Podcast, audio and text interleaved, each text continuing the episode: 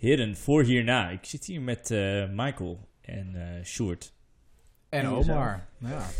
Wederom met Omar. En eh, hier is een radicaal idee voor, eh, voor na de coronacrisis. De podcast waar wij eh, nou ja, radicale ideeën voor, eh, voor hierna eh bediscussiëren. Eh, Palestina. Herken het als een staat. Wat een fucking bullshit. Even Wat, serieus. Wat, eh, wat, wat vind je bullshit om het te erkennen als een staat? Nee, we Of, moeten het eh, juist herkennen als een staat, Michael. Ik bedoel, Ja, laten we het ja, wel ja, zijn. Ja, nee, maar Palestina, laten we dat wel, Palestina, hebben. Palestina en Israël, dat is echt, eh, laten we zeggen, Israël vooral. Palestina is geen staat. Israël is echt een project gewoon van het Westen geweest na de Tweede Wereldoorlog. Gewoon puur omdat ze zichzelf te schuldig voelen over hoe ze nou, daadwerkelijk de Joodse populatie van dat continent Ja, eh, maar er hebben zitten ook behandeld. wel een hoop, eh, een hoop lobbyisten zaten erachter natuurlijk. Was dan Mhm. heel, heel lang was er een plan om een... eh, ja, om zo'n staat te vestigen. Mhm. Conspiracy. Want laten Nee we maar, even... nee, maar, nee, laten, maar, laten we gewoon, maar ja, nee, maar als je gewoon al kijkt naar eerst het, zeg maar, het Sykes-Picot-verdrag, dat was echt na Ja, de... nee, dat is inderdaad... Welk jaar was dat? Dat was pff, de jaren 20 geloof ja, ik. zoiets, ja. Mhm. Het is een diplomatieke creatie, Ja, ja, dat ja. klopt. Ja, ja, ja, ja, ja. want de, de staat Israël zelf, ik bedoel, eh, hoe is die precies tot stand gekomen?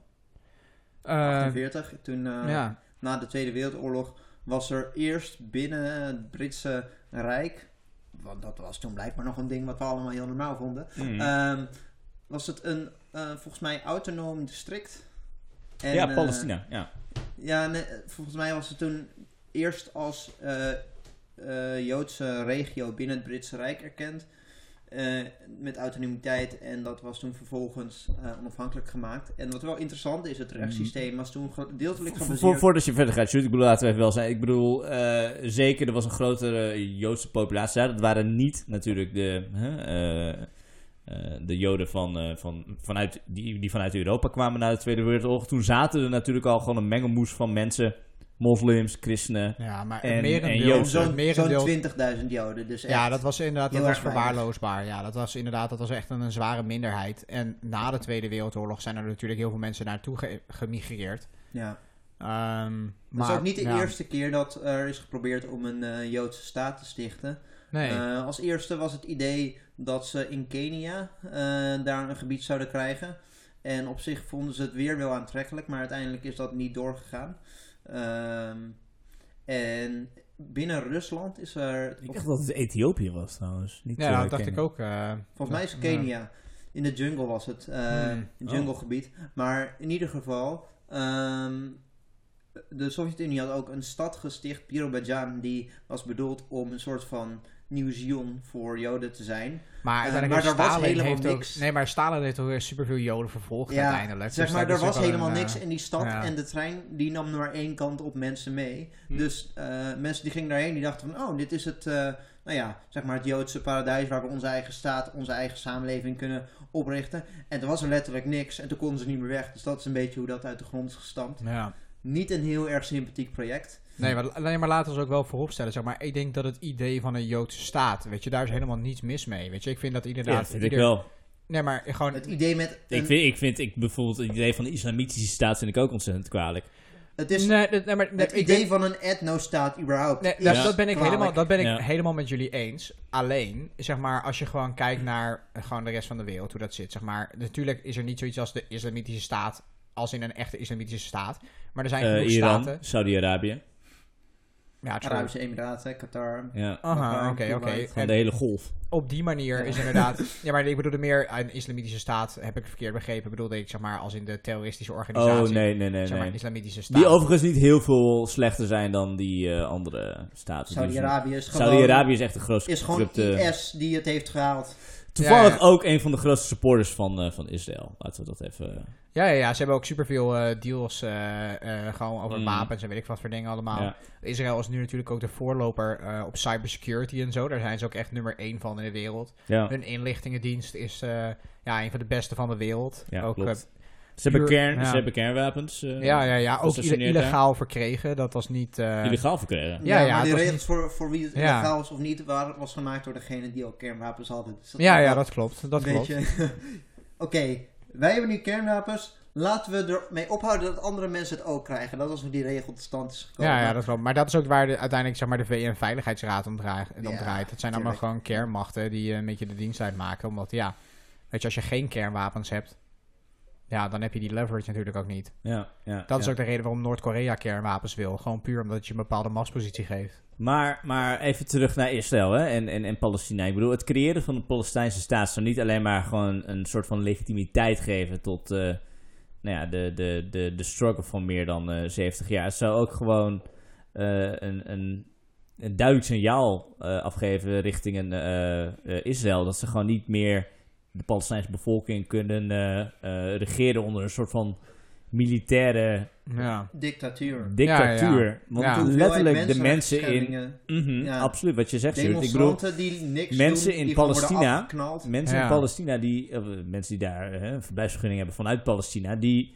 leven gewoon onder een andere set wetten dan de Israëlische staatsburger. Ja, ja, dat klopt. en ze kunnen Ja. niet Palestina gewoon een soort van eh, compleet overnemen, want dan hebben ze niet meer letterlijk de, de, de, de overmacht in het parlement. Ja. Dan moeten ze een paspoort geven. Dan En- moeten ze hun rechten geven en een stem. Op dit moment is er nul geïnstitutionaliseerde ehm, eh, verantwoording die de s- nederzettingen, regimes moeten afleggen tegenover de Palestijnse bevolking. Want ze hebben geen stemrecht, ze hebben nul Mhm. inspraak op wat er gebeurt. Die eh, nederzettingen zijn in strijd met internationaal recht. Terwijl, laten we zeggen, even devil's advocate, Sjoerd, Michael. eh, ik ben helemaal voorstander van een zionistische staat. Ik, ik sta achter de religie en... eh, Ja, maar zi- een zionistische staat is zeg maar, dat is ook niet wat ik bedoel. Zeg maar, het is, Nee, maar zionisme, maar- nee, maar zionisme draait van wat ik ervan heb begrepen uiteindelijk om zeg maar dat de Joden zo'n beetje de hele wereld overnemen. Zeg Nee, maar, dat is echt Joden worden. Nee, nee, nee, dat, niet de dat hele wereld. Is, dat is letterlijk de interpretatie van zionisme die de nazi's gangbaar hebben geprobeerd Ja, ja, oh Ja. shit. Zionisme betekent eigenlijk niks anders dan dat eh, gewoon voor een vorm van staat voor het Joodse volk zijn. En welke vorm dat dan heeft, daar zijn een heleboel verschillende stromingen Ja. in binnen het Zionisme. Sterker nog, de meest orthodoxe Joden Die zijn, zijn- tegen zijn het meest anti-Zionistisch Israël. Ja. omdat die geloven in de profetie dat eh, wat uit de Joodse heilige geschriften voortkomt, inderdaad, dat eh, alleen een Joodse staat gevormd kan en mag worden wanneer de Messias terugkeert. Ah, ja, ja. En dat is nog niet gebeurd, dus mag er nog geen Joodse staat zijn. Andere Joden, veel Zionistische Joden, die kijken daar wat pragmatischer naar. Die hebben een soort van overbruggingstheorie opgesteld van oké, dat staat inderdaad heel onkenbaar in de heilige geschriften. Maar we zien het zo, we hebben een soort van geleidelijk overgang naar de terugkeer van de Messias. En een onderdeel Mhm. daarvan is dat we beginnen een Joodse staat op te bouwen. Om het klaar te zetten voor En- wanneer de Messiah en pas wel Ja. wanneer al het heilige land, tussen aanhalingstekens, Ja. is eh, ingelijfd, dan pas geldt het als eh, zodanig Ja, zijnde. Ja, maar dan en, dan komt hele- hij opeens terug en dan opeens is het... eh, yo, jongens, we gaan weer helemaal Uh-huh. naar de get Maar dat, dat is wel een hele religieuze, zeg maar, interpretatie. Zeg maar, wat, wat ik meer bedoel is, ik kan me voorstellen dat als je gewoon door de geschiedenis kijkt, weet je. Het is inderdaad zo dat het Joodse volk heeft gewoon een diaspora overal en nergens. En zeg maar, er was niet een bepaalde staat die, zeg maar, veilig was voor deze mensen. Dat, dat is gewoon een gegeven. En zeg maar, wat er nu na de Tweede Wereldoorlog is gebeurd, zeg maar, zie je dat het uiteindelijk gewoon is geëscaleerd in dat, ja, ja, hoe ze nu met de Palestijnen zeg maar, omgaan, dat kan gewoon echt niet door de beugel. Zeg maar, die mensen moeten gewoon ook een Tot veilig nu, man, gebied hebben. Het, het is gewoon Zeg jarenlang maar, het is, doorgegaan. Precies, precies. En dat, is- dat is gewoon zo verkeerd. Alleen wat ik wel snap, is zeg maar het gedachtegoed erachter. Als je kijkt naar al die zeg maar, zeg maar 2.000, 3.000 jaar geschiedenis. Dat een bepaald volk, zeg maar of het nou op basis is van een religie of een etniciteit. Zeg maar dat ze een soort van staat hebben die ze zelf besturen. Ja, maar dan verdienen de indianen verdienen dan ook nee, een staat. Nee, precies. Nee, maar, nee, de precies. Ook. Precies, en dat ben ik helemaal met je eens. Zeg maar. Ik vind dat zeg maar de, in, de, de, eh, ja, Maar de oorspronkelijke bewoners. Nee, maar de oorspronkelijke bewoners van de Verenigde Staten vind ik ook dat die hun eigen staat zouden Ja, moeten hebben waarin ze gewoon er hun eigen ding kunnen hebben. verschil tussen Ja, dat ik weet Nee, daar- maar, en, Ik- en- ik- en- ik- wat ik- ik- wat ik- ik- nee, maar laat me daar wel nog bij benadrukken dat ik wel vind dat Vind dat je echt dat indianen ook een eigen staat verdienen? maar dat ga ik zo uitleggen. Zeg maar, wat het, het tweede punt is, zeg maar, dat moet natuurlijk niet ten koste gaan van anderen. En dat is wat nu het probleem is. Zeg maar, dat deze staat Mhm. gaat gewoon ten koste van een hele grote groep andere mensen. En dat kan echt niet. En als ik dan even terugkom op het punt van de oorspronkelijke bewoners van de Verenigde Staten. Ja, ik vind inderdaad dat die een eigen staat zouden moeten hebben. Of als eerste rangs burgers behandeld zouden moeten worden in de dat Verenigde lijkt mij het Staten. belangrijkste. En, zeg maar, ja. het is inderdaad, het is één van die twee. En als zeg maar het één niet het geval is, nou dan vind ik zelfbestuur gewoon een goede optie. Als er geen representatie is op een, een nationaal niveau. Ja. En dat is precies hetzelfde als wat er nu in Israël aan de gang is. Er zijn gewoon een hele grote groep mensen die daar wonen. Die ja, eigenlijk gewoon geen stemrecht hebben Maar over, dit het- zijn gewoon over de de- regering die hun, ja. Ja. eigenlijk hun maar, beleid maar, vormgeeft. maar dit zijn gewoon de, recente, de meest recente kolonisten. Ja. We zitten gewoon letterlijk te kijken nu naar, gewoon een, eh, naar een Maar dit is weerspiegeling ook van de meest... ouderwets kolonialisme. Ja, ja, ja, zeker. Maar omdat het gewoon zo in your face is, nog steeds. Weet je, ik denk Ja. dat echt de Ja, ja, schaamte ja. van onze generatie... Jij bent Generation Z, eh Sjoerd, toch? Ik ben millennial nog net. nog net. ben jij nog ja. net millennial? Ja. Nou, shit. Ja. Ik denk dat de schaamte van de eh, generaties van millennials echt wel moet zijn... Palestina. Laten we dat even voorop stellen. Maar Michael, Ik vind het bullshit dat in de jaren 80 er wel gewoon genoeg ge- druk ge- gezet kon worden. Niet alleen in de jaren 80, maar jaren 70, jaren 60 al.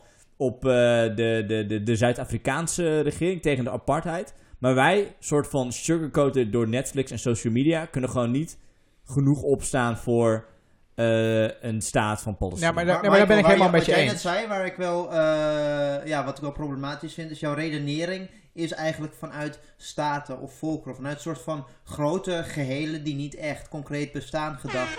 Terwijl, wat mij betreft, moet je Grotere gehele, baby. Love it. wat, wat, wat, wat mij betreft moet je altijd redeneren vanuit gewoon mensen die ergens wonen. En Ja.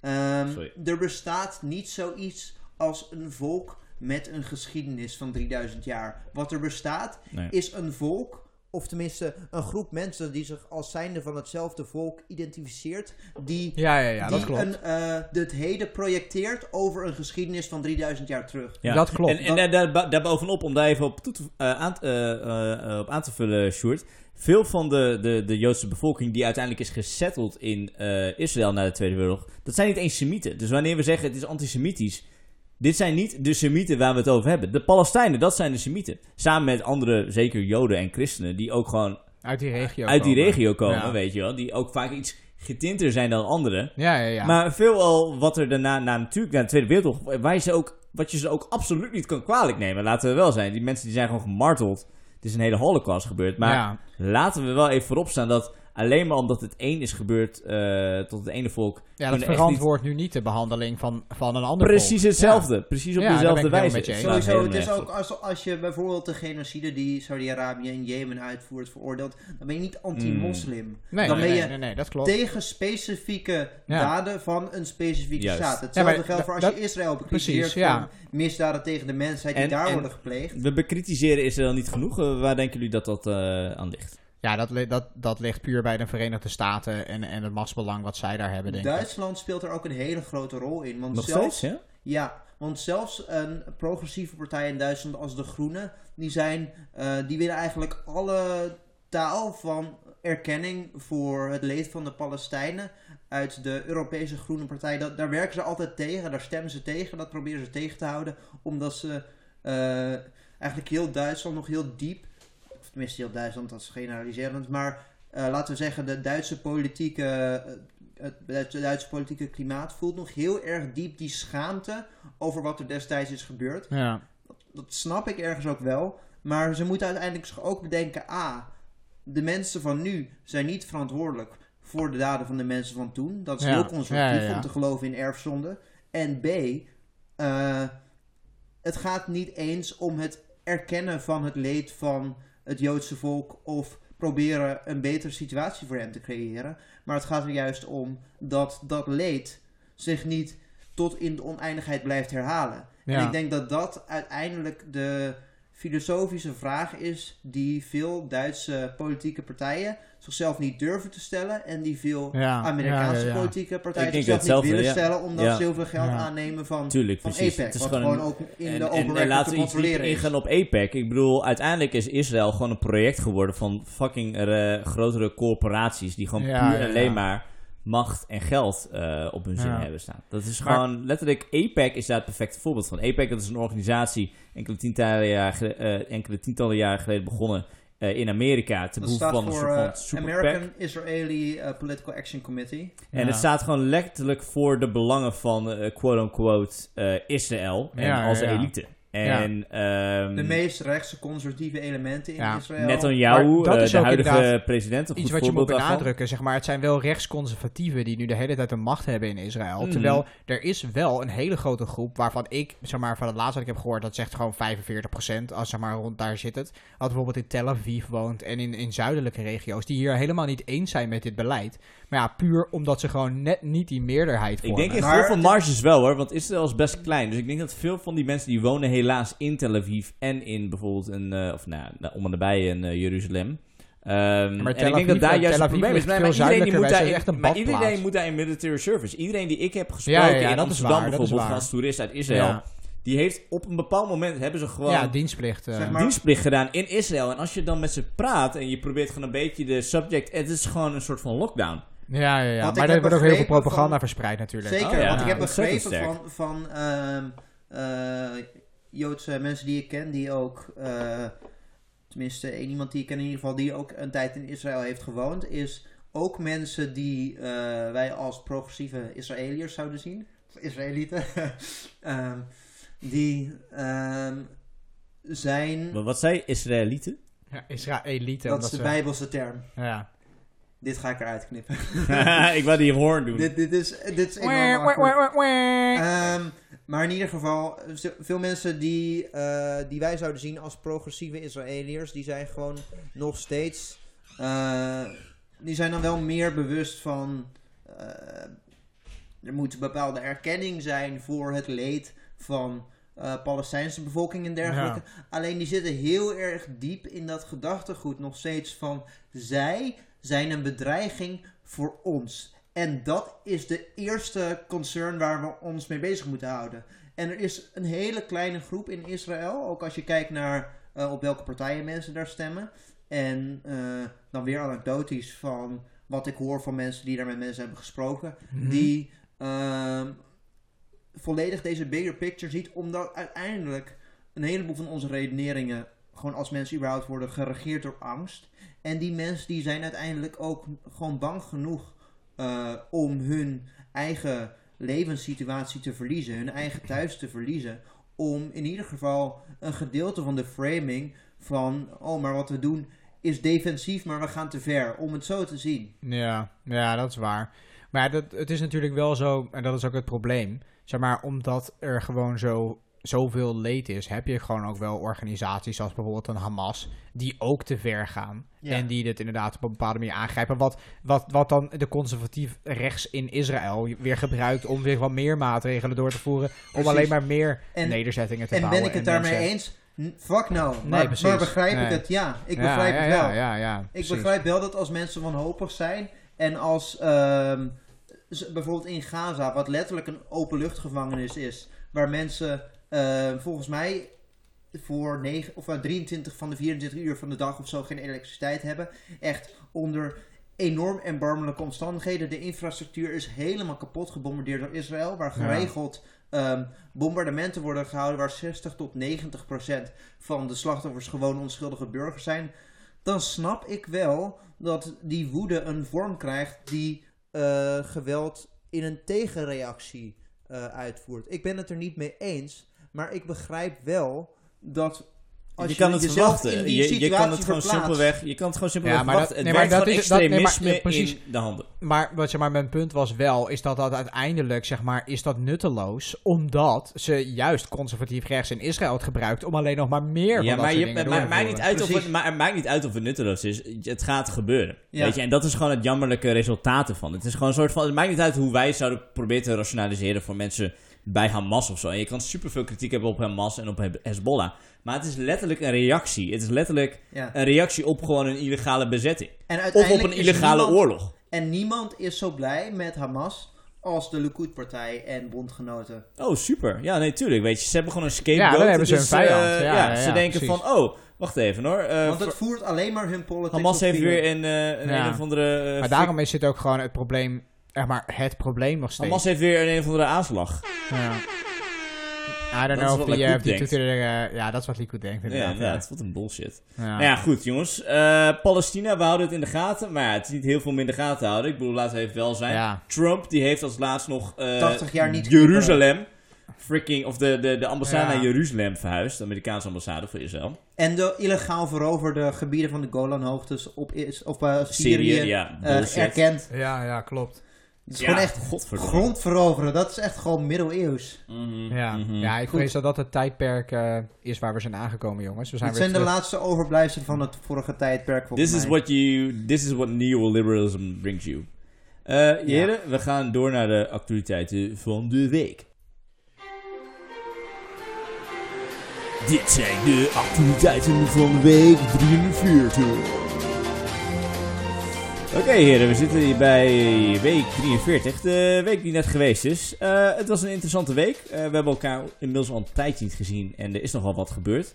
Eh, allereerst wou ik hetgeen bespreken met nou ja, Lange Frans, de beste heer, is nou, wat complottheorieën online en een aflevering van Arjen Lubach van YouTube afgehaald. Ik wou het een Ah. beetje daarover hebben en nou, censorship in general. En daarnaast wou ik het hebben over Bolivia. Daar is een nou, socialistische regering weer aan de macht gekomen. Daar gaan we het kort over hebben. En als laatste de Amerikaanse verkiezingen natuurlijk. Die staan echt om de deur. Mensen zijn nu al aan het stemmen. Trump deelt vandaag wat interessants te vertellen. Dus daar gaan we ook even iets, eh, iets dieper op in. Interessant. Laten we allereerst beginnen met eh, Lange Frans. Eh, Lange Frans is geband van YouTube. Ja, ja ik, ehm, ik weet dat, ja, dat censuur... Sorry. Ja, censuur. weet dat censuur natuurlijk... Ja, Nee, is, is niet niet, eh, is niet een Nee. middel... Nee, dat is niet goed. Nee. Maar, maar, ik kan me wel voorstellen dat een figuur als Lange Frans... die natuurlijk toch een bepaald van soort van autoriteit heeft... bij bepaalde delen van de bevolking. Want Helaas. hij is een bekende Nederlander.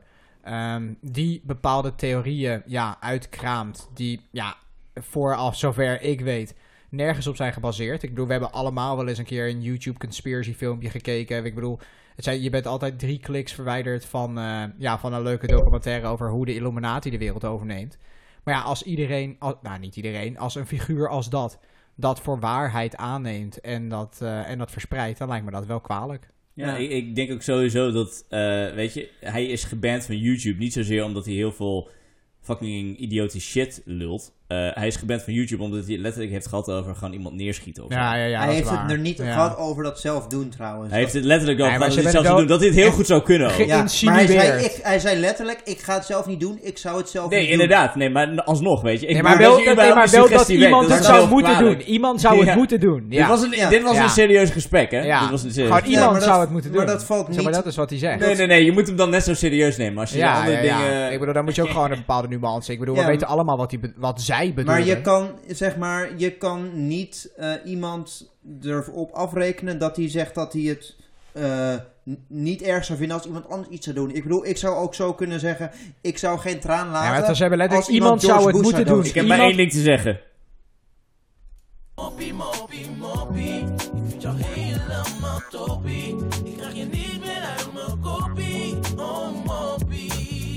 Wacht, waar, komt, eh, waar kwam dit vandaan?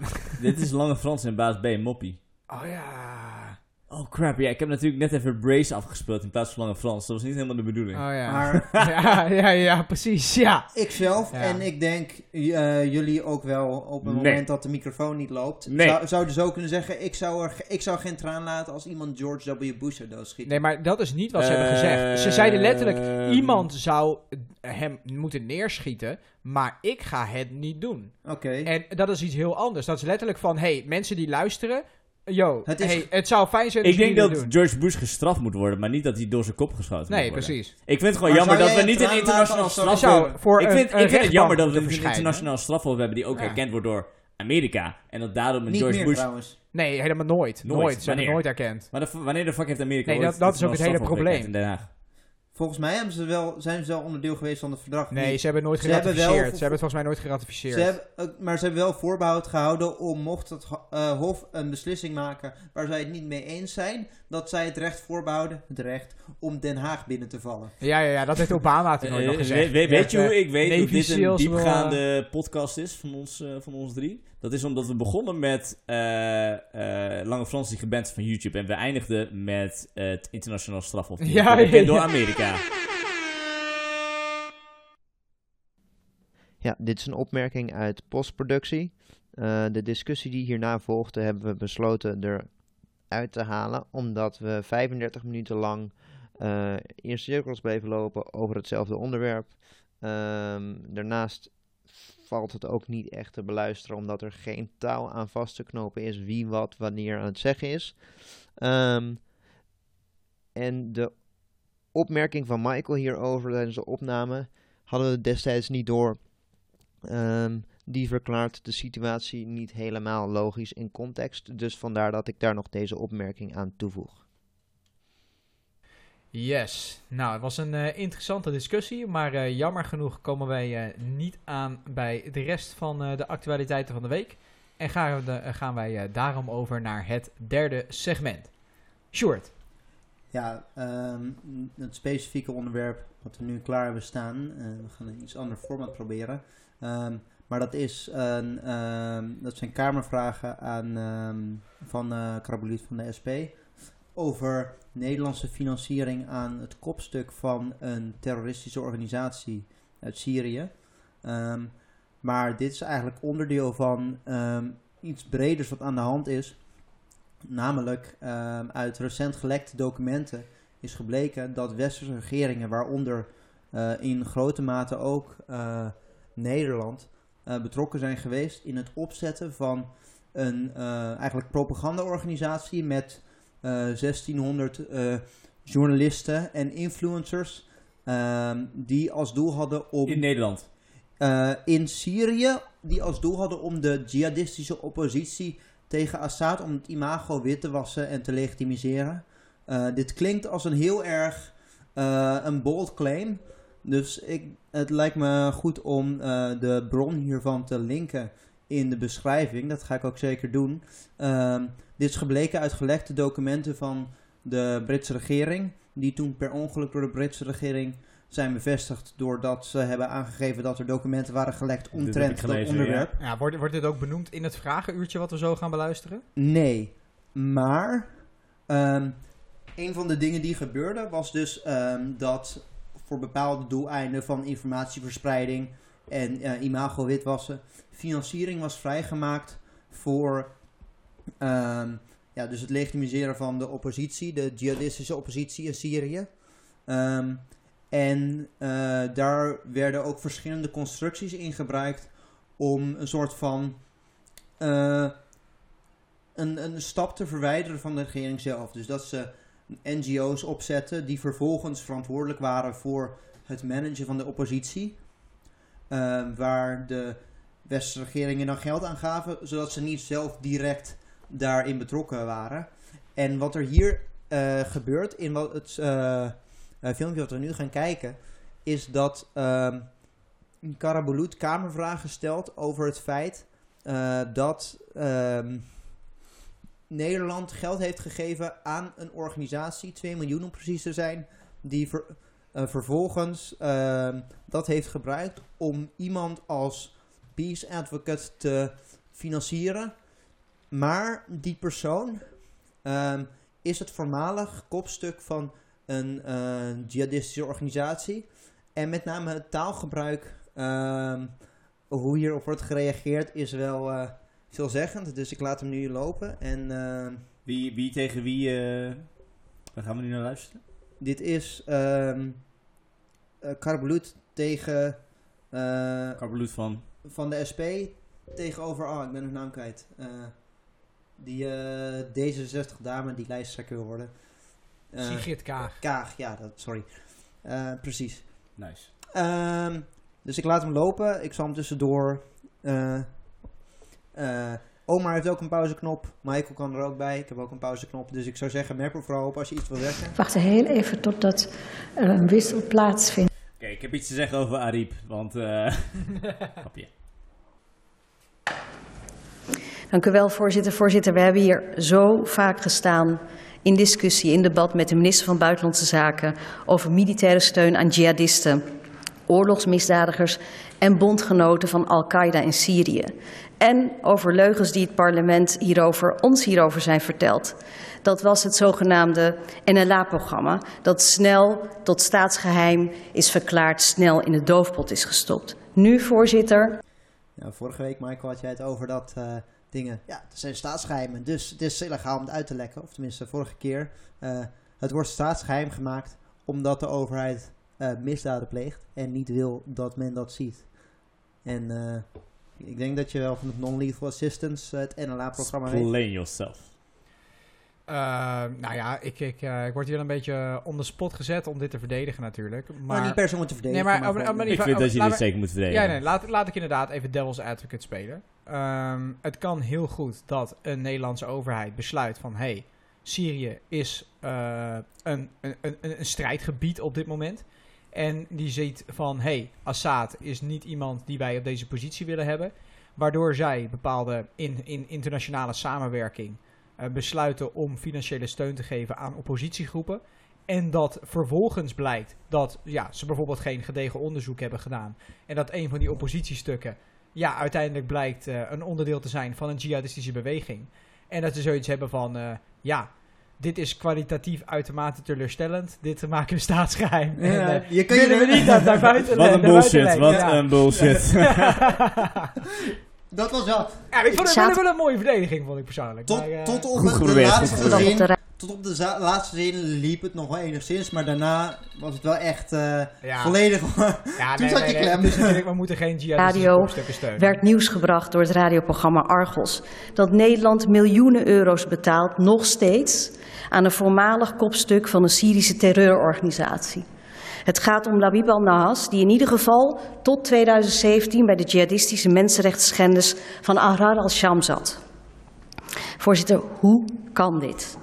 Nederlandse uitreizigers die zich in het verleden bij deze organisatie Ahrar al-Sham aansloten, worden door de rechter, zijn door de Nederlandse rechter veroordeeld. Maar Nederland, de Nederlandse regering, minister van Buitenlandse Zaken en deze minister betaalt een welbekend oud kopstuk hiervan miljoenen euro's. Dat voelt echt, voelde en voelt als een klap in onze gezicht, voorzitter. Hoe is het mogelijk, want dat stelt de minister eh, van Buitenlandse Zaken, dat Buitenlandse Zaken zegt niet geweten te hebben dat Nahas een verleden had bij Aral al-Sham? De reden dat ik het inleidde met eh, dat verhaal over die gelekte documenten was ehm, omdat er nog enige mate van, ja, wij wisten het niet, enigszins Ja. geloofwaardig te maken was. Maar als gewoon blijkt dat dit kan. systematisch en doelgericht is, eh, is gedaan en dit is echt perfect in lijn daarmee. Eh, ja, ik bedoel, als iets tien keer dezelfde kant op gebeurt, kan het dan nog toeval zijn? Misschien. Ja, Als het honderd nee, keer maar laat, dezelfde me- laat kant me wel gebeurt, vooropstellen, ik denk dat jij het daar ook mee eens bent, dat ik me goed kan voorstellen dat ze zich hiervoor schamen. ja, ja, dat ze daarom in de doofpot willen stoppen. Ja, of nou ja, ervoor schamen. Ik denk niet dat, dat, dat ze het begrip schaamte kennen, maar meer dat ze gewoon denken: oh kut, als mensen hier achter komen, dan, dan zijn we onze plausible deniability kwijt. Ja, maar als, als, als jij in die positie had gezeten en zeg maar, stel je voor dat het waar is, dat ze zo'n fout hebben gemaakt, zou je hier dan voor schamen? Ehm, dat ze ervan uitgaan dat het een fout is. En de fout is dat men het weet. Nee, maar het, ik kan me ook goed voorstellen dat ze zich hiervoor schamen, toch? Ik bedoel, dat, van beide, van, van beide valt iets te zeggen, toch? Zeg maar, je kan beide niet uitsluiten. Als, als het doelgericht is gedaan en ze weten donders goed wat de gevolgen ervan zijn, dan denk ik niet dat ze zich ervoor schamen. Nee, maar dat, dat is ook een aanname. Nou ja, dat is een aanname, maar dat is wel bevestigd door gelekte documenten van de Britse overheid, waaruit blijkt dat er een heel netwerk was opgezet door de ministeries van Buitenlandse Zaken van een heleboel westerse regeringen, waaronder de Nederlandse regering, die gewoon bevestigt dat dit systematisch en doelgericht is gedaan. Ik bedoel, ik zal, eh, ik zal zet zeker niet per je, ongeluk een ik zal zeker organisatie jouw, van eh, 1600... je, je, je bron die er in de omschrijving gepresenteerd gaat worden nog eens nalezen. Goed, Omar heeft hem een tijdje geleden ook al gestuurd, dus je, je hebt hem ook eh, bij de hand. Het was algemeen bekend. Deze figuur schreef zelfs opiniestukken in de Washington Post en allerlei Amerikaanse kranten. Maar ook voorzitter Koos van Dam, die de Nederlandse Syrië-gezant was van januari 2015 tot augustus 2016, wist het. Hij meldde dat de Kamer nog tijdens een rondetafelgesprek in 2018. Het is gewoon ongeloofwaardig dat de minister dit niet zou hebben geweten. Daar wil ik graag een reactie op van deze minister in eerste instantie. Oké, Kun- Kunnen we eerst heel even de reactie afwachten? Wat, ja, ik ga er niet inhoudelijk op in. Maar wat ik wil zeggen is: let goed op het eh, excuus of de reactie die wordt gegeven vanuit de minister. Dan geef ik nu het woord aan de minister. Eh, Dank u wel, mevrouw de voorzitter. Ehm, ik begrijp eh, eh, de vraag natuurlijk en de zorgen die zijn geuit heel goed. Dit uiteraard ook namens minister Blok. Eh, Wacht even, ik bedoel, mensen kunnen jullie niet zien. Maar waarom had ze eerst haar mondkopje op totdat ze opeens ging spreken? Waar de fuck slaat het op? Nou, dat is gewoon eh, omdat het nu... eh, Omdat er niemand in de buurt is. Nee, maar, nee, nee, nee, maar, ja, maar zo is- net was er ook niemand in de buurt. Zo net zat ze gewoon te lezen. Er Nee, was maar i- het nee, is- maar er stond iemand het- naast haar om die stoel schoon te maken. Ah, oké. Ja, en niet alleen dat, maar het is volgens mij ook gewoon eens het officiële advies vanuit de overheid om zeg maar binnen in gebouwen een mondkapje te dragen. Dus het zou ook Totdat je gek zijn. spreekt. Totdat je de meeste. eh, Ja, nee maar, nee, maar dat is natuurlijk. Ja, maar dat is hetzelfde als dat je bijvoorbeeld in de trein zit en je wilt een slokje van je water nemen. Weet je, je mag even je mondkapje afdoen om een slokje water te nemen. Maar doe hem daarna weer op. Maar heeft iedereen voor de rest hier gewoon mondkapjes op terwijl ze daar zitten? Ja, ja, ja, Ja? voor iedereen, eh, iedereen heeft mondkapjes op, ja. Hm. ja. Netjes. Goed bezig. Agrare Sham is inderdaad een groep, een groepering waarvan we eerder hebben gezegd dat ze een salafistische en jihadistische achtergrond hebben. En er zijn degelijk Achtergrond. berichten over mensenrechten schendingen. We willen dus ook weten wie er heeft geprofiteerd of zou kunnen hebben eh, van deze financiering. Agrare Sham, om dit duidelijk te stellen natuurlijk, wordt uiteraard niet op enige wijze door Nederland gefinancierd. Niet nu, niet in het verleden. Het project waarover sprake was in het televisieprogramma van Argos werd door Nederland eh, gecontracteerd via het European Institute for Peace. Dat is een intergouvernementele organisatie eh, opgericht door heel veel Europese landen dat zich inzet voor de ondersteuning van vredesprocessen en dialoog. Kijk, Vredesprocessen, a.k.a. undermining the goddamn workload. kijk, wij hebben ze ge- geen geld gegeven. Wij hebben het geld aan een andere organisatie gegeven die het vervolgens aan hen heeft gegeven. Ja, nee, maar Mijn nee, handen zijn schoon. nee, nee, nee, What maar dat fuck? klopt. Zeg maar. Je zou inderdaad niet zo je handen daaraan schoon moeten wassen. Maar eh, zeg maar, als dat daadwerkelijk de gang van zaken is, dan, wat, dan rapporteert ze toch alleen maar de waarheid. Ja, maar dat is toch best wel kwalijk? Dat Nee, maar- dit, nee, maar dat, dat- ik, bedoel, ik bedoel, het is Nee, nu nee, gewoon nee, zo nee, in nee, your nee, face. Nee, nee, nee, Ik denk, ik denk persoonlijk... Nee, een politicus zou verantwoordelijkheid moeten nemen voor de, het, het uiteindelijke gevolg. Maar... Het uiteindelijke feit- gevolg, dat zien we nu. Dat Nee, zien maar we gewoon precies, in Syrië maar, dagelijks. Maar, nee, nee, maar, maar dat er een Europese organisatie is waar individuele lidstaten geld aan geven en dat die uiteindelijke organisatie dan verantwoordelijk Hmm. wordt gehouden voor wat er gebeurt, dat vind ik niet gek. Maar Zeg die organisatie is opgezet door die staten, hè? Nee, nee dat, dat snap ik. En uiteindelijk zou zo'n organisatie verantwoording moeten afleggen, zowel aan zeg maar, de overheden die daar geld aan hebben geschonken, als uiteindelijk het parlement. Maar weet je wel, dat uiteindelijk zo'n organisatie dan verkeerde dingen doet waar een overheid in eerste instantie niet over geïnformeerd is, dat kan. But wait, there's more. Onder andere in Jemen, Afghanistan, Irak, ook de Oekraïne. Wij doen dit al vanuit het ministerie sinds 2015.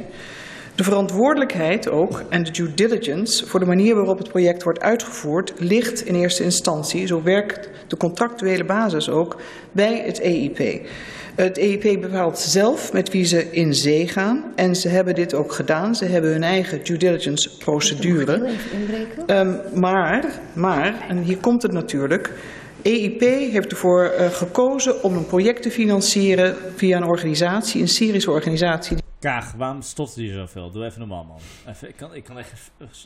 die de dialoog bevordert voor wat betreft transitional justice, dus overgangsjustitie, zoals mevrouw Karaboulout weet. En die organisatie heet het SACD. Op een gegeven moment heeft het SACD een consultant, inmiddels projectdirecteur aangesteld of medewerker in, in de bijgenaamd Nahas. Ik vraag me af of ze zich oprecht niet Waar de fuck heeft ze het over? Nee, maar ik bedoel, nee, maar zo ik maar vraag dit Wat is de fuck gewoon- zegt ze nou? Nee, maar ze zegt, let, dit is gewoon hoe dit werkt. Maar ik vraag Ja, me af... maar- ja, precies. Dit, ja, ja, inderdaad. Ja. Nee, maar ik bedoel, dat, Ja. ik bedoel de, tot, voor, tot zover ja, vind ik mening daar gelaten. Dit is hoe het werkt inderdaad. Ja, Ja, ja, ja. Ik vraag me af of ze niet doorheeft dat ze het, het, Ja. het graf alleen maar dieper maakt. Ja, ja, ja, ja. Nee, maar, nee, maar, nee, maar luister, labi- wacht even een pauze. Nee, maar je zegt wel ja, dat ze het graf nog dieper maakt. Maar ik bedoel, ze is letterlijk nu aan het vertellen hoe dit werkt. En Ja, ze maar dat is het graf dieper Maar dat is het probleem. Nee, maar ik bedoel, ja, maar ook niet. Want ik bedoel, alsnog, ik bedoel, de manier hoe dit werkt is op, voor mij, van mijn part vind ik dit prima. In de zin van, nee, luister, van, oké, stel je voor, we willen... Libië was prima. Nee, nee, nee, nee, nee, nee, nee luister. Syrië Laat, was prima. laat- laat me alleen even uitleggen welk onderdeel ik hier tot nu toe prima van vind. Mm. Is dat wij niet als individuele lidstaten onafhankelijk beleid gaan zitten maken. Zeg maar dat we dat op Europees niveau doen. Helemaal voor. Dat Ja. er vervolgens, zeg maar, bepaalde projecten geld wordt gesteund. Omdat we zoiets hebben van, hé, hey, we willen de oppositie in, in Syrië steunen. Vind ik ook nog helemaal top. En dat... Ja, als wij... Als, nee, als luister, oppositie zijn jihadisten, hè? Nee, maar luister, nee. Meer dan nee, de helft nee, nee, van de oppositie Luister, zijn jihadisten nee, volgens nee, de VN. Oké, oké, luister. Als we nu kijken, laten we even teruggaan naar een voorbeeld als Tunesië. Want dit is hoe dit allemaal is begonnen. Let's talk about Tunisia, man. Nee, nee maar precies. Dit is hoe het allemaal is begonnen. Zeg maar met de Arabische lente, even tussen aanhalingstekens. Ja, niet Arabische, niet, eh, ik wou zeggen niet Arabische lente, maar ik bedoel, nou niet tussen aanhalingstekens. Dat was gewoon een eerlijke, goede revolutie. Precies, en, eh, maar, maar dat is ook hoe het uiteindelijk zeg maar, uit, in, in Syrië is uitgemond. Van dat er een bepaald gedeelte van de bevolking was die zei van... Hey yo, dit willen we hier ook. Mhm. Er zijn toen heel veel eh, inderdaad ook salafistische organisaties geweest... die hebben gezien van... Hey, hier kunnen wij goed gebruik van maken. Dat is waar, ja. Toen is heeft het Westen gezegd van... hé, hey, we gaan die oppositie steunen... want we willen niet dat ook hoe de, door middel van framing inderdaad Assad dit En toen kwamen de helft van de Humvees opeens terecht bij de jihadisten. Ja, kijk, Ja, weet precies. je, dat Daar, is, Michael, dat de is context het die je nu probleem. mist Klopt, is ja. dat de seculiere oppositie tegen Assad keken naar welke kant ze opging en zoiets had van dit gaat niet de goede kant op. We kunnen kiezen tussen Assad of jihad.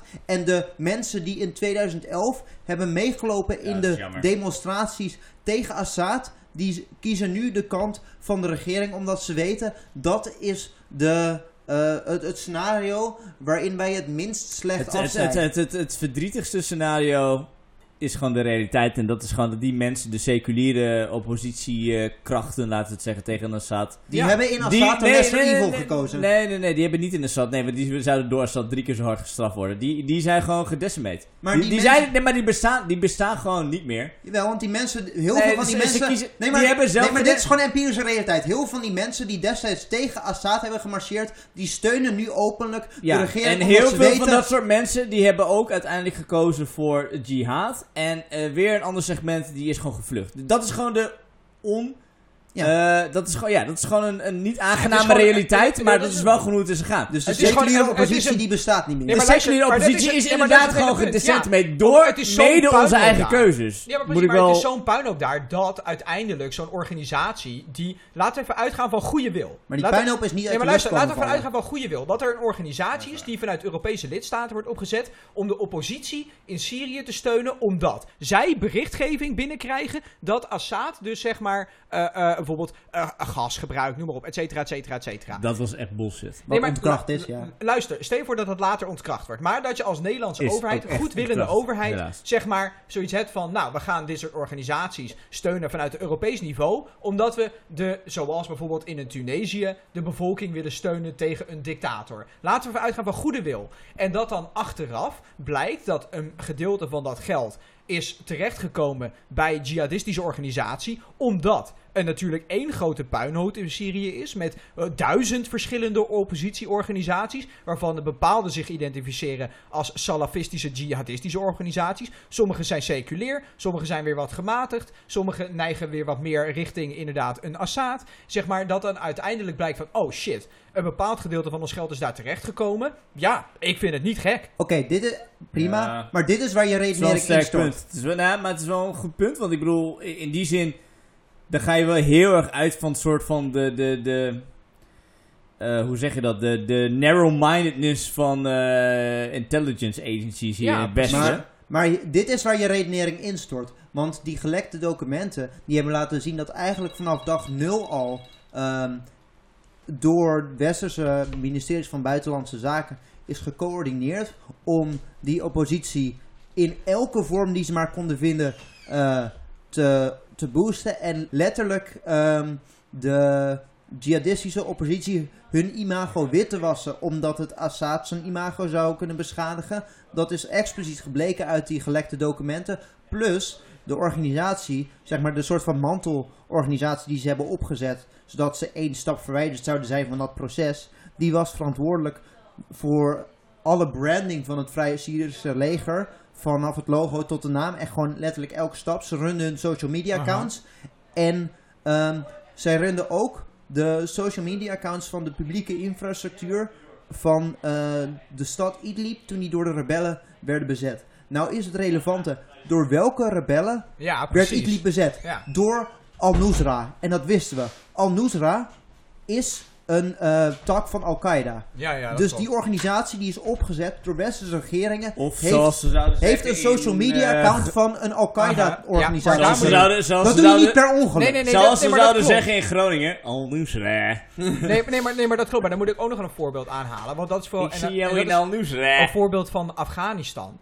Is, daar heb je ook gewoon bepaalde gedeeltes gehad dat Al-Qaeda tegen, tegen IS aan het vechten was. Gewoon puur vanwege grondgebied. En de een is dan net iets gematigder dan de andere. En het zijn alle twee terroristische organisaties. Maar zelfs daarin zou je kunnen zeggen van... Hey, stel je voor, weet je, je hebt hier een, een uh, Al-Qaeda of een Taliban... die een bepaald, zeg maar, regeringsvorm heeft waar we het niet mee eens zijn. Maar daar tegenover zie je in één keer islamitische staat... die nog een stap verder gaat... en echt letterlijk gewoon continu mensen aan het onthoofden is... en weet ik wat de propaganda aan het verspreiden is. Zeg maar, nee, maar sorry dat ik het zeg. Als, zeg maar, ik kan me dan voorstellen dat, oké, hey, je moet kiezen tussen twee lesser evils. En dan neem ik zelfs nu het voorbeeld van Trump en Biden. Zeg maar, beide ben ik het niet mee eens. Maar ja, weet je wel, als ik zou kunnen stemmen, dan maar, maar op een Biden. Want ja, you know what the fuck else is gonna Oké, be. maar Al-Qaeda is duidelijk een groter probleem dan Assad. Want Maar niet dan Biden.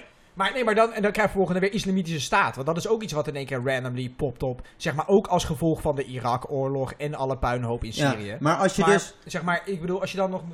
Maar het is dus niet een ongeluk of een vergissing of door de onduidelijkheid dat zij ehm jihadisten hebben gesteund. Want ze hebben gewoon openlijk, letterlijk, Al-Qaeda-gelieerde social media accounts van Al-Qaeda bezet gebied gerund. Dat doe je niet per ongeluk. Dat doe je niet zonder dat je het doorhebt. Dan weet je donders goed wat je aan het doen bent. Maar ik bedoel, zij hebben deze ehm, eh, organisatie gesteund, toch? Ze hebben hem opgezet. Ze hebben hem opgelost samen met andere Er lidstaten. is Ja. niet Al-Nusra opgezet. Nee, maar ze hebben wel een, een mantelorganisatie die als doel had om eh, de, elke vorm van oppositie tegen Assad te legitimiseren. Ehm, hebben ze opgezet. En ehm, een van de organisaties van de oppositie die daaronder viel was Al-Nusra. Maar goed, laten we verder Ja, laten we, laten we verder kijken. Ibn Haas inderdaad heeft in, tot 2000 Mag ik wel even eerlijk eh, zeggen dat ondanks dat ze niet van de teleprompter eh afleest, vind ik het wel heel erg gewoon statisch. Het is gewoon, ze leest alles op, wel letterlijk gewoon haar de, de, de, de Ja, maar, Alles maar- aan maar- haar uitstraling doet mij denken aan een Nederlands docent. Nee, dat 2006 is waar, maar mag ik daar ook nog iets aan toevoegen? Ik denk dat het zeg maar, beter is dat iemand zich voorbereidt en de feiten voor zich heeft op papier dan dat Ja, maar dude, dat is anders dan van gewoon een papiertje lezen. Nee maar, nee, maar, nee, maar, nee, maar je moet je ook beseffen dat een minister, die is, on- die is ook met duizend verschillende zaken bezig. Die houdt zich niet Ja, alleen maar waar. bezig met deze zaak. Die Nee, kan niet zo punt. off the cuff even alles opnoemen. Dat is een goed punt. Dat is een goed punt. 2010 functioneerde hij als hoofd externe betrekkingen of hoofdwoordvoering van, uh, van uh, Ahrar al-Sham. Hij is daar weggegaan naar eigen zeggen. Zoals wij weten van het EIP en ook uit publiekelijke verklaringen nu. Uh, op basis van fundamentele verschillen en natuurlijk de gewelddadige ontwikkeling van Ahrar al-Sham al in die periode. Nu is het, uh, het, het, volgende het geval. Het EIP is bewust met Labib en Nahas in zee gegaan met de volgende redenering. Zijn zogenaamde meerwaarde voor het bijdragen aan een politieke oplossing en de vrijwillige waardige terugkeer van ontheemden en vluchtelingen. Er zijn geen aanwijzingen dat Nahas in de periode dat hij voor het, EIP, voor, voor het SADC werkte, gefinancierd middels het EIP met onder andere Nederlands geld, dat hij verbonden nog op enige wijze was met Ahrar al-Sham. Oké, okay, dus als je een jihadist bent en je wil alle vormen van verantwoording ontkomen, dan moet je gewoon zeggen dat je jihad niet meer leuk vindt. Schijnbaar. Ja. Er zijn twee fundamentele kwesties en die onderkennen wij ook. A, de due diligence van het EIP. Nederland heeft het EIP gecontacteerd. Het ministerie van Buitenlandse Zaken wist pas heel laat dat deze meneer Nahas die op enige wijze in november 2019 werd genoemd in documenten, de bewuste Labib Nahas was. En ik heb dus in samenspraak met minister Blok uh, gevraagd van het EIP om een uitvoerige toelichting schriftelijk op hun due diligence. Want dit... okay, due diligence is, is een beetje een stopwoord voor aan het worden, maar dit gaat zo een tijdje door, maar het komt erop neer, de argumentatie voor waarom het, zoals de rechtvaardiging of wat dan ook is, ja, we hadden het niet door dat het daarheen ging. Dan denk dat is niet een goed argument. Als je zegt... Je moet wel de verantwoordelijkheid nemen, laten we ja, maar, zeg maar, als je ergens 2 miljoen tegenaan smijt zonder dat je weet waar dat heen gaat. Nee, dat, Laten dat, we ervan uitgaan even voor het argument dat, dat ze dat inderdaad niet wisten. Ja, maar het ging naar meerdere organisaties, toch? Nee, het ging ja, specifiek naar een organisatie die ze zelf hadden opgezet. En ze noemden het aan het begin eh, volgens bepaalde eh, contractuele voorwaarden. Dus wat de taken waren van die Ah, het was, een, het organisatie was en een. Europese organisatie. Ja, die door Die meerdere lidstaten... over meerdere groepen, toch? Ja, maar als je een organisatie opzet en vervolgens daar heel erg veel geld in gaat pompen, dan moet je weten waar dat geld heen gaat. Of je moet het niet doen. Ja. Je gaat niet 2 miljoen uitgeven Precies, en dan en daar, wat nee, maar wat je, wat je dan doet is, uitkomt. wat je, wat je dus doet is, dan neem je wat zij ook zegt contractueel op, dat er een bepaalde mate van due diligence plaatsvindt, wat jij een stopwoord noemt, maar het komt gewoon neer op dat jij inderdaad nakijkt op, hé, hey, waar gaat het geld naartoe en wordt dit, zeg maar, goed uitgegeven. Daar gingen zij inderdaad dus op basis van contractuele afspraken van uit.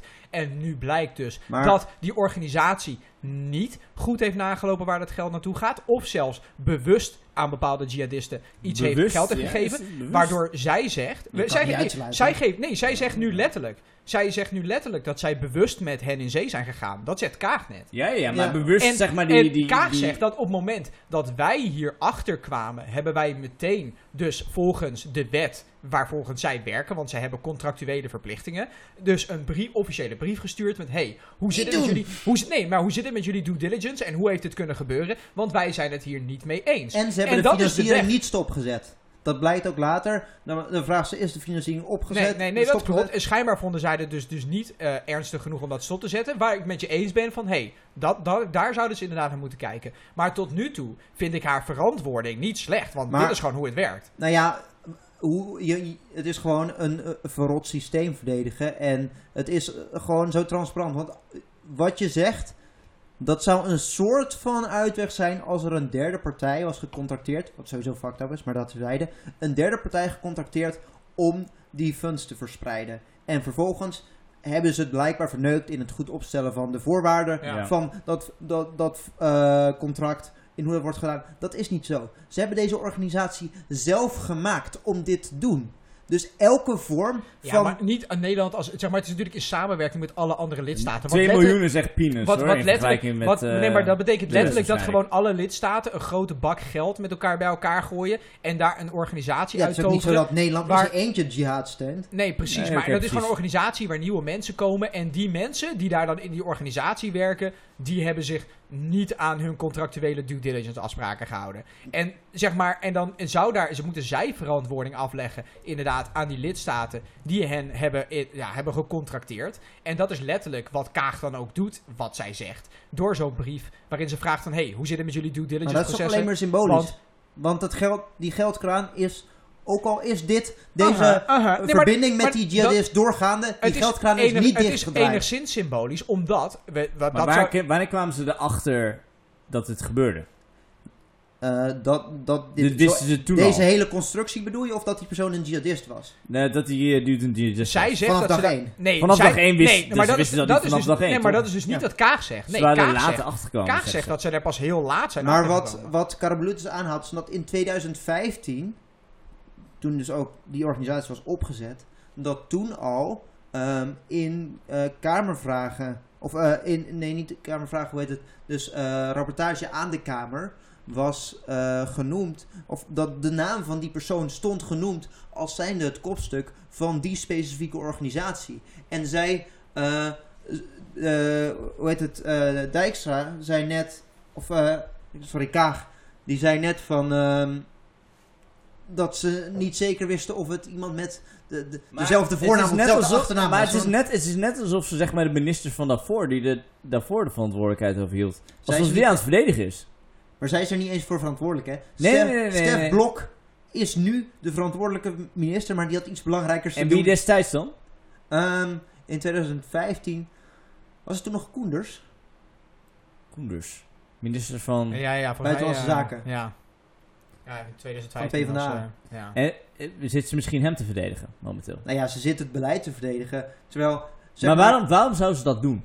Als zij, als zij toch niet verantwoordelijk was voor de keuze Om- van toen. En dit heb ik me heel erg vaak afgevraagd trouwens. Ik bedoel, het is heel vaak alsof zeg maar ook bijvoorbeeld met een een of andere, wat was het nog maar, een, een bom die was eh, gedropt op een woonwijk in Irak. Eh, omdat daar een bomfabriek eh, is, weet je wel. Ik bedoel, wat de fuck is dat nou weer? Eh, Kijk. maar maar da- dan hebben we het ook nooit over de verantwoordelijke, want we kijken niet graag terug in... in Dat, voormalige kabinetten. Wat, wat de fuck is dat? Daar heb ik een hoop over te zeggen en dat is een andere discussie. in- Maar, want hier, maar dat is toch ontzettend kwalijk? We Zeker, even wel zijn. absoluut, bedoel, wat de fuck is dat? Maar het verschil We kunnen hier- blijkbaar niet een soort van commissie opstellen en zeggen van wacht even, wat gebeurde hier? Maar- Maar, maar wat is hier gebeurd? Wie is hier het verantwoordelijk voor? is, dit is een Er is geen doorgaand proces. verantwoording. Dit is een doorgaand proces dat op de van- dag van vandaag nog steeds zo is. En ze hoeven daar, geen verantwoording af te leggen. en daar zit het hem in. Want terwijl zij en Stef Blok ehm, aan de macht kwamen als minister, liep dat. En het feit dat zij sindsdien, sinds 2017 tot en met nu 2020, drie jaar later, ehm, dat het onder hun verantwoordelijkheid nog steeds is gebeurd. Ehm, en dat ze niet destijds hebben gezegd, of dit op wat voor manier dan ook, dit in het oog hebben gekregen Mm. en daar eh, de rem op hebben gezet. En nu nog steeds niet trouwens, dus het was ook niet hun intentie, dat lijkt me vrij duidelijk. Maar Dat maakt het haar niet alleen eh, institutioneel, maar ook gewoon direct en moreel mede verantwoordelijk. ja, gewoon complicit. Ja, Absoluut. Want ze houdt het, het hele systeem gewoon in stand. Wat de fuck is dat? ja. en Ja. het is dus heel erg lastig, of tenminste lastig omdat dat niet is waarvoor ze daar zitten, om als je eh, als minister je voorganger opvolgt, om dat soort lijken ook daadwerkelijk uit de kast te trekken. En ook al en beslissen... zeggen, hey, dit gaan we ja, anders maar- doen. En ook al, oh, weet je, laten we even devil's advocate spelen. Eh, At the worst, ook al zou je beslissen om het niet uit de kast te trekken. Ook al zou je beslissen van, nou ja, weet je, we zijn een nieuw kabinet en eh, we gaan het niet doen. Want, eh, weet, je, weet ik veel, voor de sake of normalcy en, en gewoon, we kijken Ja. vooruit. Zelfs dan, als het uiteindelijk alsnog uit de kast komt door gewoon externe partijen. En het Dat is het wordt ter inderdaad. sprake gebracht Want het gebeurt wat de fuck is het dan om iemand, om de gewoon, ze zit nu letterlijk, en dat bedoel ik maar, ze zit nu letterlijk gewoon van een papiertje gewoon de official statement af te lezen. Ja. Zodat mensen in het verleden soort van veiliggesteld zijn. En Het zij zelf enige, ook. de enige verdediging die ik enigszins rationeel zou vinden, zou zijn... Oké, maar weet je, het was maar 2 miljoen en we hebben niet gedegen onderzoek gedaan. En inderdaad, er is x eh, percentage g- gefunneld naar dit soort Ik extremistische heb per partijen. ongeluk geld aan een jihadist Nee maar, nee, maar laten we wel zijn, weet je. Ik bedoel, als ze het daarop zouden gooien, zou ik het in ieder geval kunnen begrijpen. Ik zou het alsnog Dan onjuist hun vinden. blunder. Maar Ja, dan maar is dat- het in ieder geval van, dit is wat er is gebeurd. En nu is het zo van... Wacht even, wisten Nee, nee, jullie nee. dit? Of Ja, nee, maar ze, was ze, het een- er- weet je, nee, ik bedoel, nee, maar nu, nu ze, erkent, het ze erkent wel dat het is gebeurd. Ze zegt alleen, we zijn er laat achter gekomen. En op het moment dat we erachter kwamen, hebben wij een bericht, een brief oké. gestuurd Maar waarom naar die gebeurt het organisatie. nooit? Oké, dat het maar, dan moet je komt- maar dan moet je dat eerste feit niet uit de weg gaan. Weet je, van ja, inderdaad, we zijn te laat achter... Maar zeg dat dan. Dat is hun verantwoordelijkheid Maar dat als doet ze net. ministerie. Ja, dat, dat doet ze nu op reactie van. Het Ja. gebeurt nooit dat als eh, dit soort misdaden worden gepleegd. Ik bedoel, ik weet niet of dit wettelijk gezien een misdaad is, maar je kan het moreel zeker wel zo zien. En dit soort dingen gebeuren natuurlijk aan de lopende band. Het is nooit zo, voor zover ik mij kan herinneren, heb Als ik het nooit... gerechtshof in Den Haag inderdaad zo eh, eh, eerlijk was en, eh, en wettelijk, dan, dan was dat inderdaad een misdaad. Ja, ik heb nooit dus meegemaakt van mijn leven. Misschien heb ik het gemist hoor. Ik zou graag een tegenvoorbeeld horen. Maar ik heb nooit meegemaakt dat zoiets is gebeurd. En dat het ministerie zelf is gekomen. hey, deze misstanden zijn er aan de hand. We gaan eh, dit ten eerste publiekelijk vertellen. Van dit gaat er mis. We gaan dit aankaarten. Nee, het is nee. altijd, de media komen erachter en is van, oh, nu vinden we het belangrijk. Nee, maar als nu er, gaan als, we er wat aan als, doen. er, als er wel wat zeg maar wordt gevonden, dan lossen ze dat vaak intern op. En dat gaat, dat ze maar dat is toch ook En- en de ik plicht van en- transparantie om dat niet Ja, intern maar- op te lossen, maar dat juist Ja, aan het... eh, zeg maar een journalist ook- kan moet- dat natuurlijk wel opvragen. En daarnaast moet ik natuurlijk zeggen, zeg maar, het is wel de functie van het parlement om dit te doen. Zeg maar, wat je, het is ook de functie van journalistiek. Ja. Maar het is goede ook niet aan het parlement ze aan de, aan de, eh, Nee, maar dat is, zeg maar, het feit dat, zeg maar, dat is ook de reden natuurlijk waarom we blij zijn dat we in een democratie wonen en dat we een parlement Mhm. hebben, zodat deze vragen gesteld kunnen worden. Want zeg maar, ik zeg niet dat ik het ermee eens ben, maar ja, ik kan me goed voorstellen dat zij niet hun eigen ruiten in gaan gooien. Van, hé hey jongens, hier heb je slecht nieuws over ons. Ja, dat doet niemand. Ja, maar Ja, dat zou ja, wel het, Het moeten. komt niet uit het niets. Want Ja. ze zouden hun eigen misstanden nog steeds gewoon publiekelijk bekend moeten maken. Ik ben het daar... Maar dat wordt op deze manier ook Ik ben het gedaan, daar wel omdat mee we een parlement hebben. Nee, maar- controleren het wordt niet door het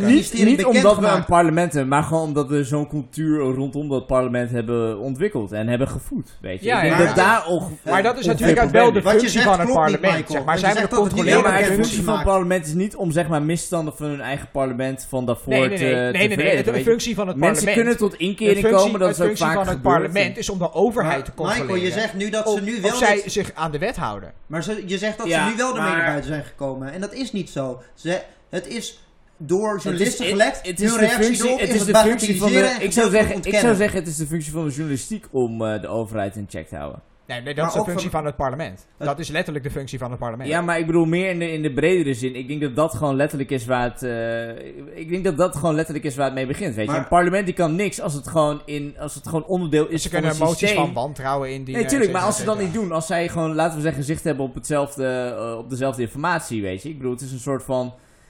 Hier in Nederland zit het nog best wel transparant. En laten we vergelijken met een Amerika, weet je. Waar, waar alles eh, vanwege partisan hacks wordt, eh, wordt eh, verborgen gehouden van verschillende politieke partijen. De enige twee politieke partijen. Trek dat terug naar Nederland. Hier zijn we relatief transparant wanneer we het hebben over de Tweede Kamer. Waarom is het dan dat dit zo lang verborgen kan zijn? Dat het gewoon letterlijk van minister op minister gewoon als een soort van baggage wordt meegenomen. Maar het, Zonder dat daarover begonnen wordt. Dat is toch complete BS? Nee, maar dat is gewoon de manier hoe het werkt. ja, maar dat Maar is toch de een manier probleem. waarop het Nee, maar hier niet- werkt. niet Je de manier, nee, maar nee, luister, een soort nee, van excuus laat me dit, nee, nee, nee, gelijk. Laat me, uitleg is. laat me dit wel even toelichten. Niet de manier hoe het werkt als in van, hey, dit is hoe het werkt en ja, zo is het zo, daar kunnen we niks aan doen. Maar gewoon puur omdat het, het is ook gewoon menselijk lijkt me, weet je. Ik bedoel, jij hebt één functie en zeg maar, stel je voor dat je voorganger heeft een bepaald project uitgezet waar er niet goed op is gecontroleerd. Die mensen doen iets, daar kom jij laat achter en nou moet jij in één keer verantwoorden wat de, je voorganger heeft gedaan bij een organisatie waar jij geen toezicht. Verdedigt het. Zal ik even Zeg maar- Ja, maar dat moet je, dat is, let, dat is ook haar functie. Het beleid Nou van, ja, het- nee, dat van is de niet per se overheid haar functie. Dat is hoe zij die functie invult. Want je kan ook, je kan het ook als een, een misstap erkennen. Je kan het ook als misstap erkennen en vervolgens ehm, erin meegaan dat ten eerste eh, het niet een fout is, maar gewoon wanbeleid. Want het is wanbeleid om geld uit te geven zonder duidelijk te weten waar het heen gaat. En ten tweede om te zeggen, en we gaan nu direct deze financiering stopzetten totdat we meer weten. Maar wat zij zegt is, we laten het doorlopen totdat we meer weten. Ja, nee, maar eh, dat, dat, daar ben ik het helemaal met je eens. En maar wat je ik vind, wel is- dat er, ik vind wel dat er hier harder op gereageerd kan worden. Ik vind inderdaad dat die financiering, zeg maar, ja, inderdaad stopgezet had kunnen worden.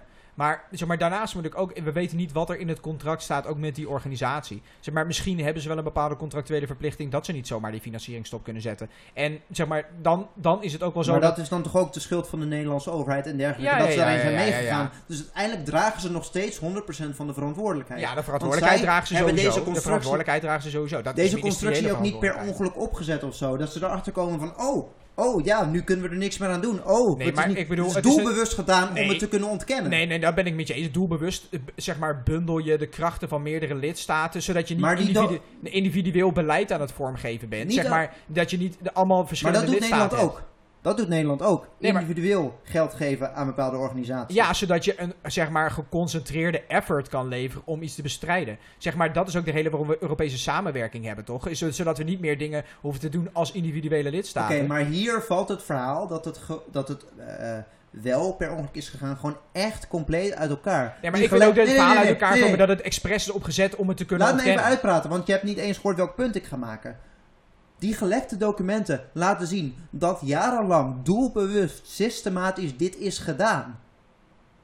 Ik, ik, het is niet ik- per ongeluk gebeurd. het is niet een bijkomstigheid geweest van niet goed weten wat je aan het doen bent. Zeg maar, Ze ik, ik zal niet goed. zeggen dat het nu niet waar is, maar ik kan het ook niet bevestigen. Weet je, ik zal het nog nakijken, weet je wel, wat alle bronnen in zou zijn. Maar gewoon puur vanuit het tot nu, van, van wat ik vind een objectief iets. Weet je, kan ik me wel voorstellen dat, Dat je zoiets kan... financiert. Nee maar, nee, maar dat zoiets kan gebeuren. En zeg maar, niet alles hoeft meteen een donker plot te zijn waarin iedereen alles probeert te verbergen. Oké, maar dat is inmiddels wel uitgelekt dat dat wel in dit geval zo is. Dat het doelbewust is gedaan. Ja, als dat zo blijkt te zijn. Ja, dat blijkt ook zo te zijn, want dat is gewoon uit gelekte documenten van de Britse overheid Maar dan hebben, we het, dan hebben we het nog steeds over die organisatie. En niet zozeer over wat de huidige minister eh, wist over wat de vorige minister heeft gedaan met een, extern, met een derde Maar- partij. Maar hier, dit is toch gewoon het belangrijkste onderdeel van het beleid van Nederland op Syrië. Als je minister van Buitenlandse Zaken bent, dan word je daar toch minstens in de eerste 100 dagen op gebriefd.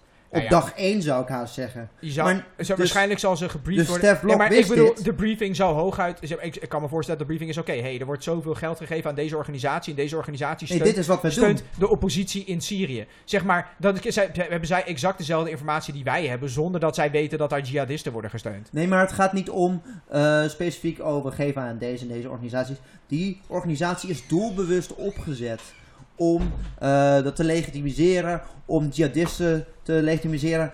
Die organisatie wist dat. De landen- you're a goddamn commie. De landen die het opzetten wisten dat. Ja, Dus Laten bij de we- briefing is dat ook aan Stef Blok en aan eh fuck, eh, Sigrid Kaag, Kaag, eh. verteld. Zij wisten dit. dit. Dit is niet iets waar ze nu achter komen. Ze komen er nu achter dat men erachter is gekomen. Ja, nou, ik, eh, ik raad iedereen sowieso aan eh, dan inderdaad even de gelekte documenten te bekijken die, eh, die in de beschrijving komen. De gelijkmomenten van En, eh eh, Kaag. En eh, ik denk dat we daarmee eh, het einde van de aflevering hebben bereikt. Yes. Heren, voor hierna. Ik eh, dank jullie hartelijk.